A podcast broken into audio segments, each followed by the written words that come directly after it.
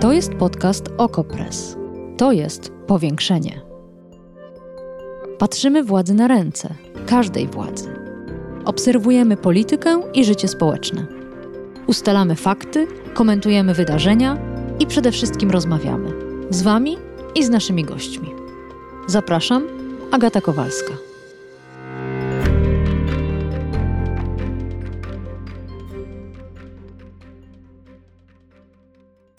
Na Facebooku jednej z organizacji pozarządowych pojawił się taki apel.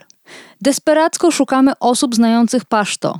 Szykujemy się do wyjazdu do polskiego ośrodka strzeżonego. Przebywa w nim większość obywateli Afganistanu, Iraku i Iranu, którzy przekroczyli w ostatnich dniach naszą granicę. Bez względu na to, czy są uchodźcami, czy z innych powodów szukają lepszego życia, mają prawo do pomocy prawnej. Aby nasza pomoc była skuteczna, potrzebujemy większego niż zwykle wsparcia językowego. Nasi wolontariusze i wolontariuszki nie mogą tłumaczyć non-stop, bez odpoczynku. Poszukujemy zatem tłumaczy języków: kurdyjski, kurdyjski sorani, farsi, dari, paszto i arabski. To był apel Stowarzyszenia Interwencji Prawnej, jednej z kilku bardzo małych i bardzo ważnych organizacji pozarządowych wspierających uchodźców i migrantów w Polsce. Zastanowiłam się, czy ktoś zareagował. I czego jeszcze, poza tłumaczem, potrzebują uchodźcy z Afganistanu i innych krajów, z Czeczenii, Białorusi, z Iranu. Sprawdzimy to w dzisiejszym powiększeniu.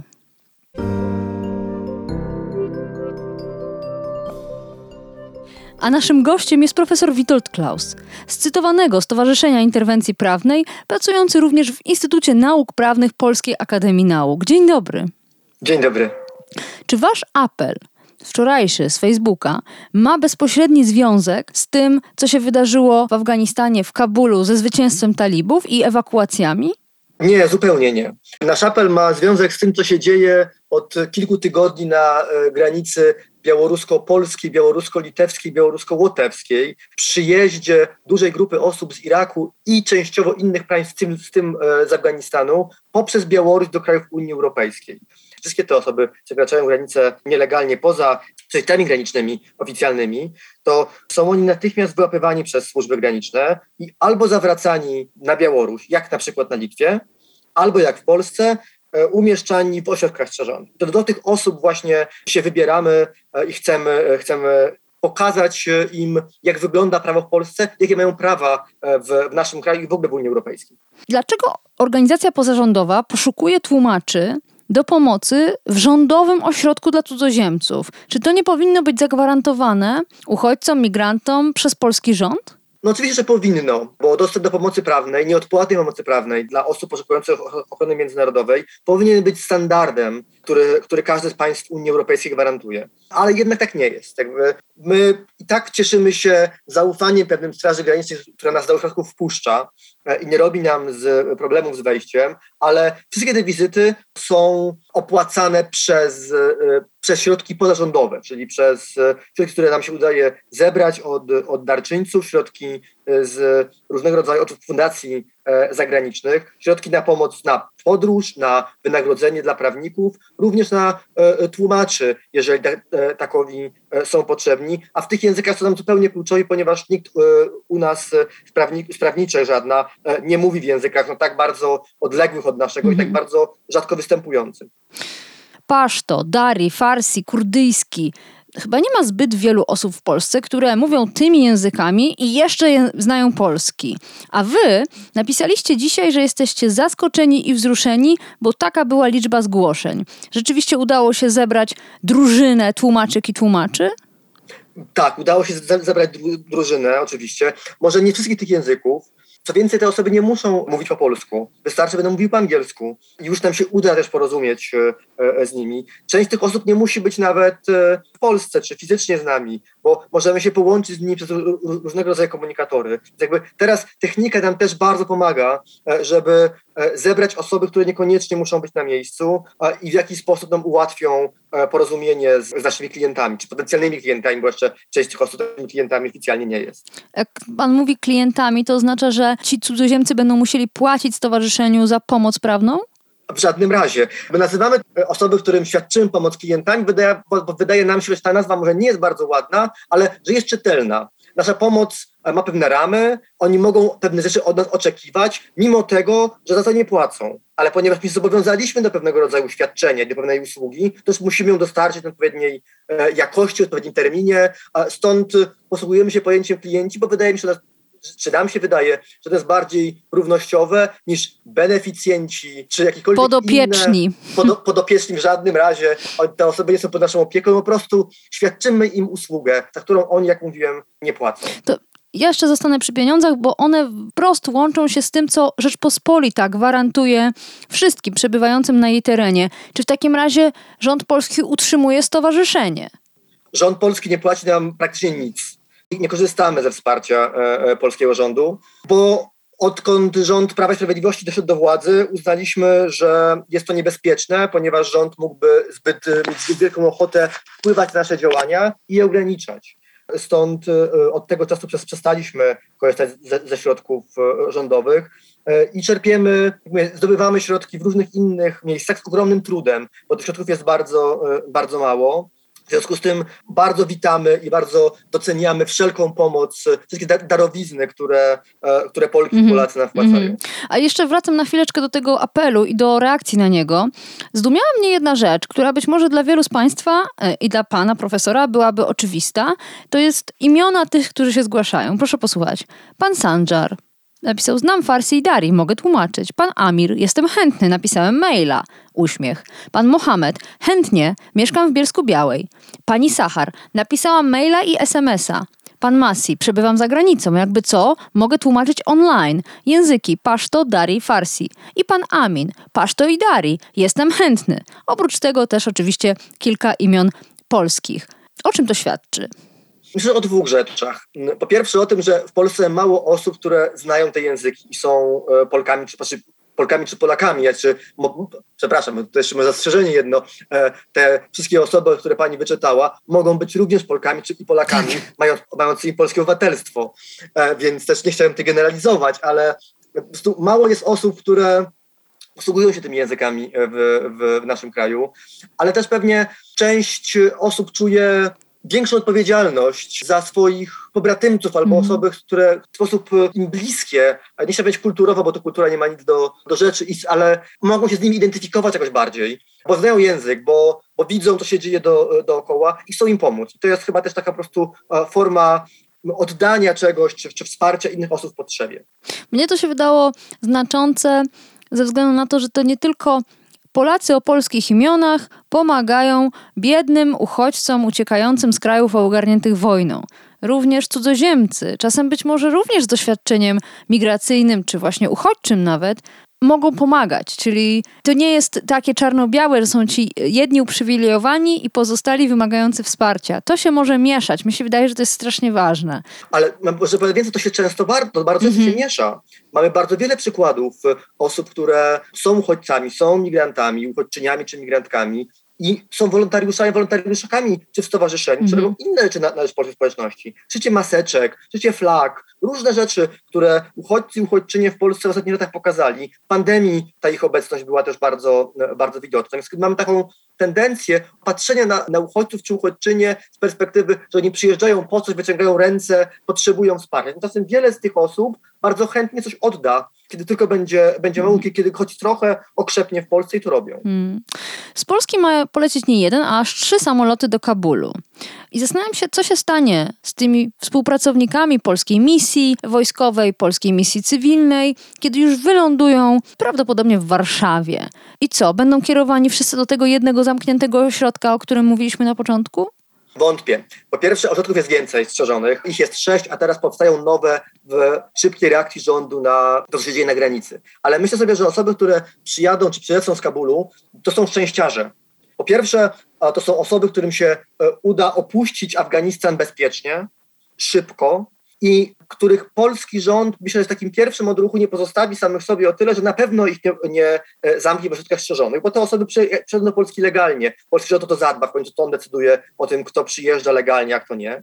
Prawdopodobnie są skierowane do ośrodków otwartych, dla, dla uchodźców i uchodźczyń. I tam będą czekały na, na otrzymanie decyzji pobytowych. I prawdopodobieństwo, że dotrzymają przez uchodźcy jest bardzo hmm. wielkie, skoro są, rząd sam ich do Polski sprowadził. Ale to, to są wyjątki. no zobaczcie, to będzie trzy samoloty, premier teraz mówi o około 100 osobach, nie wiadomo, czy wszystkie to będą Afgańczycy i Afganki, może tam będzie część również obywateli polskich, więc to jest bardzo niewielka grupa osób. Tymczasem te same osoby, które przechodzą przez granicę polsko-białoruską, trafiają do ośrodków zamkniętych, wobec nich rząd chce zmienić prawo, żeby szybciej i skuteczniej ich z Polski wydalać, pytanie, gdzie ich będzie zawracał? Na Białoruś, do Afganistanu, który właśnie uznał, że jest państwem niebezpiecznym i trzeba e, z tego państwa przywieźć pewne osoby. Jest duża niespójność tej, w tej narracji policji naszego rządu wobec e, uchodźców, w tym uchodźców z Afganistanu. Hmm. To zatrzymajmy się na chwilę, o to też pytał jeden ze słuchaczy, pan Michał, o tą zmianę prawa. My Panie profesorze, już wielokrotnie rozmawialiśmy o polskiej polityce migracyjnej, o polskich przepisach, zwykle wskazując, że są wręcz nieludzkie. A pan teraz mówi, polski rząd chce jeszcze bardziej zaostrzyć prawo. W jakim kierunku? Co to konkretnie oznacza, że będzie łatwiej kogoś deportować? Trudno powiedzieć, ponieważ polski rząd opublikował bardzo krótką informację, taką trzykapitową na stronie o kierunkach zmian tych przepisów. Nie ma żadnych jeszcze projektów, e, projektów zmiany ustaw, choć podobno dziś o tym rząd ma debatować. Tymczasem projekt żaden nie, nie pojawił się w przestrzeni publicznej. Są dwa kierunki tych, e, tych zmian. Z jednej strony rząd chce jak to mówi, uprościć procedury powrotowe, czyli ułatwić sobie deportację, skrócić czas na złożenie odwołania, prawdopodobnie również ułatwić sobie inne przeszkody, które by przeciwdziałały e, szybkim i sprawnym z administracyjnego i rządowego punktu widzenia deportacjom. Ale zaraz, momencik. Przed chwilą mówiliśmy o tym, że poszukujecie tłumaczy i tłumaczek, ponieważ Polska ich nie gwarantuje do wsparcia prawnego cudzoziemców, żeby oni wiedzieli, w jakich właściwie warunkach prawnych się znaleźli, co im przysługuje, czego nie mogą, co im też grozi. A teraz pan mówi, że rząd chce skrócić terminy na odwołanie. Czyli innymi słowy, rozumiem, że właściwie utrudnić skazać tych pracę. ludzi, tak, skazać, utrudnić wam pracę, ale też skazać tych ludzi na bezradność, bo nie będą wiedzieli nawet, co się dzieje i być może nie zdążą e, skontaktować się ze Stowarzyszeniem Interwencji Prawnej. Tak, dokładnie. Mhm. Taka jest, taki jest mhm. cel, żeby, żebyśmy nie przeszkadzali. Prawda? My jako prawnicy czy prawniczki, którzy e, możemy tą pomoc nieść, czyli żeby właśnie łatwiej było tą całą procedurę przeprowadzić. Jakby to jest pisane, to myśl, myślenie jest, żeby ułatwić sobie życie, czy ułatwić rządowi Straży Granicznej e, e, życie i procedury, które są rzekomo zbyt skomplikowane. Tymczasem one są gwarancyjne.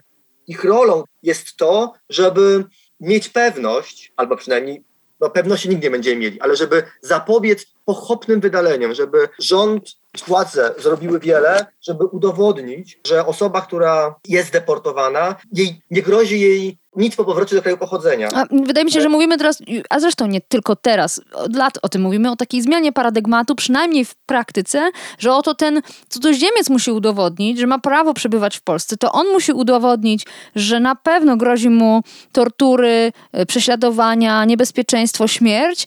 Ciężar nie leży po stronie państwa, nie leży po stronie Polski. Tak, to więcej on musi, on czy ona muszą udowodnić, że nie są zagrożeniem dla Polski dla, dla bezpieczeństwa Polski, bo proszę zobaczyć, że ten język, który, mi, który jest teraz używany, jeśli chodzi o osoby, które do e, uchodźców czy uchodźczynie do Polski przyjeżdżające, to jest język z zakresu bezpieczeństwa. Zawsze mówimy o, o najeździe, inwazji, o zagrożeniu dla bezpieczeństwa, to o tym Straż Graniczna i premier teraz mówi, e, minister spraw wewnętrznych chwali Straż Graniczną za ochronę polskich, y, y, polskich granic, a jednocześnie mówi o tym, że Aleksander Łukaszenka y, używa uchodźców jako broni. Więc jakby te osoby są zdehumanizowane z jednej strony, a z drugiej strony patrzy się na nie tylko i wyłącznie z perspektywy zagrożenia, które potencjalnie mogą sprawiać, insynuuje się, czy pokazuje się opinii publicznej w Polsce, że te osoby mogą być niebezpieczne, że one mogą być potencjalnie jakimś zagrożeniem, chociaż nie są, bo to są tylko słowa rządzących, a nie żadne fakty, które,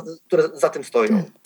Nie wiem, czy pan widział, mm, ja niestety widziałam i e, do tej pory jestem wstrząśnięta, film nagrany na polsko-białoruskiej granicy, gdzie Straż Graniczna spotyka, nasza polska Straż Graniczna, reprezentująca Rzeczpospolitą, spotyka się z żołnierzami białoruskimi, a pomiędzy tymi dwiema grupami mamy przerażonych ludzi, którzy próbują uciec do Polski.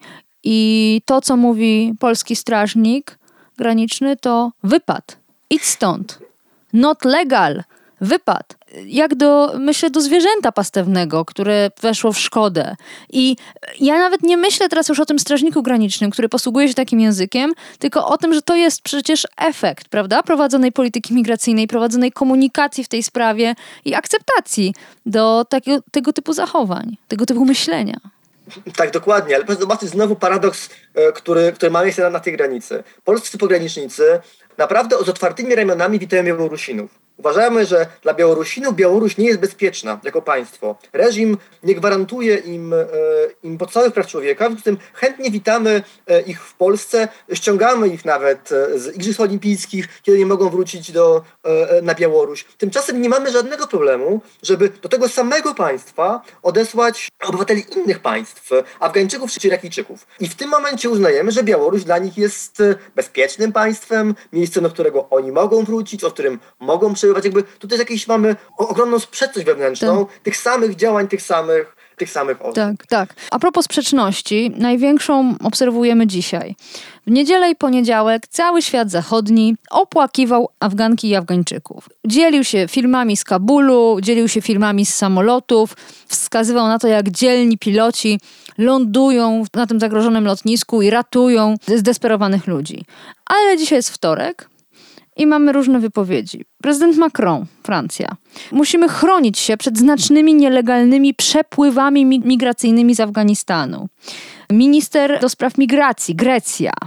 To jest oczywiste, że nasz kraj nie będzie bramą dla nowej fali uchodźczej. Turcja ogłosiła, że na pewno zamknie ściśle granicę z Iranem, krajem, przez który ewentualnie część Afgańczyków mogłaby się dostawać do Europy. I jeszcze Niemcy, lider Hadeków, prawdopodobny następca Angeli Merkel na stanowisku kanclerza, Armin Laschet powiedział jeszcze w niedzielę nawet, że oczywiście państwa zachodnie powinny ewakuować swoich współpracowników i być może kobiety, które są wyjątkowo zagrożone, ale 2015 rok nie powinien zostać powtórzony. Powinniśmy, i tu nie wierzę, że te słowa padły, powinniśmy skupić się na pomocy humanitarnej na miejscu. Co się. O, pan się uśmiecha, panie profesorze, bo jest pan przyzwyczajony, ale ja jednak wciąż nie mogę do tej hipokryzji się przyzwyczaić. Co się takiego wydarzyło? Jakby pan to skomentował? Taki śmiech przez łzy trochę oczywiście. Y, nic się nie wydarzyło takiego. To jest konsekwentna polityka mm, przywódców europejskich od y, kilku dekad tak naprawdę, przynajmniej dwóch gdzie szczyt mieliśmy w 2015-2016 roku, kiedy zobacz, ona została po prostu obnażona, bo więcej osób do, do, Europy e, przyjechało w tym czasie, ale tu się nic nie zmienia od bardzo, bardzo wielu lat. Bardzo łatwo nam się solidaryzować e, z kimś, kto jest daleko i dawać lajki na Facebooku, pod warunkiem, że on tam zostanie, czy ona będziemy mogli sobie pomyśleć, że jesteśmy świetni, że tutaj wsparliśmy tak bardzo te osoby, właśnie lubiąc na Facebooku jakiegoś, jakiegoś posta, podczas gdy nie mamy w żadnej razie ochoty pomóc realnie e, osobom, które są w zagrożeniu, które chcą, uciec przed e, panującymi e, tam Ale warunkami. pan mówi teraz o pojedynczych osobach. Pojedyncze osoby reagują różnie. Jedni rzeczywiście przekażą dalej filmik, udostępnią zdjęcie, napiszą w internecie horrible, jeszcze inni pomogą organizacji takiej jak Stowarzyszenie Interwencji Prawnej, zgłoszą się jako tłumacz, tłumaczka. Widziałam, że ileś osób pytało, czy może was wesprzeć finansowo, bo niestety w językach e, nie bardzo. Są tacy, którzy, tak jak znalazłam wczoraj na grupie kobiecej, e, pytanie jednej z dziewczyn, czy jest jakieś konto, na które można wpłacać pieniądze na rzecz Afganek, na rzecz tych, które najbardziej prawdopodobnie ucierpią pod rządami talibów. Więc są różne reakcje, ale ja panu cytowałam nie obywateli, obywatelki, tylko polityków. Oni już we wtorek, a niektórzy niektórzy wcześniej nawet, zaczęli mówić o twierdzy Europa. Ale oni nigdy nie przestają o tym mówić. Mhm. Proszę zobaczyć, że oni na tym wygrywają wybory. Pani mówi o pojedynczych osobach, które będą chciały wesprzeć uciekających z różnych miejsc niebezpiecznych, ale gros społeczeństwa oczekuje, że te osoby tutaj nie przyjadą.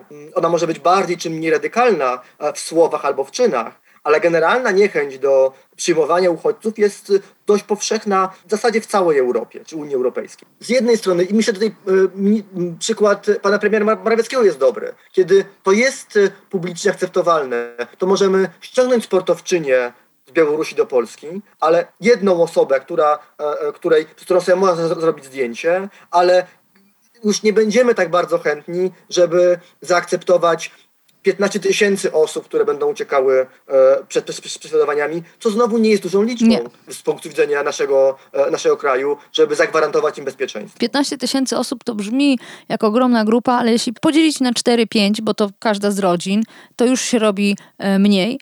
A pojawiają się takie oferty, jak na przykład burmistrz warszawskich Bielan, który powiedział, że jego dzielnica jest w stanie już w tym momencie zaoferować 5 mieszkań dla uciekających z Afganistanu, ale też podejrzewam, że rzeczywiście chodzi głównie o tych szczęściarzy, jak pan powiedział, tych z samolotów. Ale gdyby, gdyby to pan miał wpływ, to co jest kluczowe? Co powinno być poprawione natychmiast, jeśli chodzi o naszą e, politykę uchodźczą, migracyjną? Zabrałby się pan najpierw za te nieszczęsne ośrodki zamknięte, za Straż Graniczną, za jakieś szczególne przepisy, za pieniądze? Mm, Myślę, że pierwszą, za, za którą bym się zabrał, to jest język i nastawienie. E, I zauważenie w migrantach i migrantach ludzi, a nie rąk do pracy albo zagrożenia dla bezpieczeństwa. Jeżeli zmienimy tą optykę i popatrzymy właśnie na, na ludzi, to potem te kolejne rozwiązania same się ułożą. Te, które należy wprowadzić albo które należy odrzucić. Jak oczywiście e, zamknięcie ośrodków strzeżonych albo znakomite ograniczenie ich liczby czy miejsc e, w tychże, jak zaoferowanie długofalowego wsparcia e, uchodźcom czy uchodźczyniom w Polsce. Bo to nie jest kwestia tylko tych przyjazdu i przyjęcia tych osób. To jest kwestia również zagwarantowania im w długiej perspektywie możliwości życia w Polsce, godnego życia również. Na przykład mieszkania. To jest problem, który, z którym się bardzo wiele uchodźców i uchodźczyń, które w Polsce mieszkają, cały czas boryka, bo super, że burmistrz Bielan zapro, zaoferował pięć mieszkań Afgańczykom, tylko pytanie moje brzmi, czemu tych mieszkań wcześniej nie zaoferował Czeczenom, którzy są w Polsce i za mieszkania czekają. Pan profesor Witold Klaus ze Stowarzyszenia Interwencji Prawnej Instytutu Nauk Prawnych Polskiej Akademii Nauk. Dziękuję za to spotkanie. Powiększenie. Podcast Okopres. Prowadzenie Agata Kowalska. Podcast znajdziesz na stronie Okopres i w Twojej ulubionej aplikacji do podcastów. Redakcja Okopres działa od 2016 roku. Jesteśmy obywatelskim narzędziem kontroli władzy, obecnej i każdej następnej. Okopres utrzymuje się z Waszych darowizn. Wesprzyj nas, byśmy mogli działać dalej.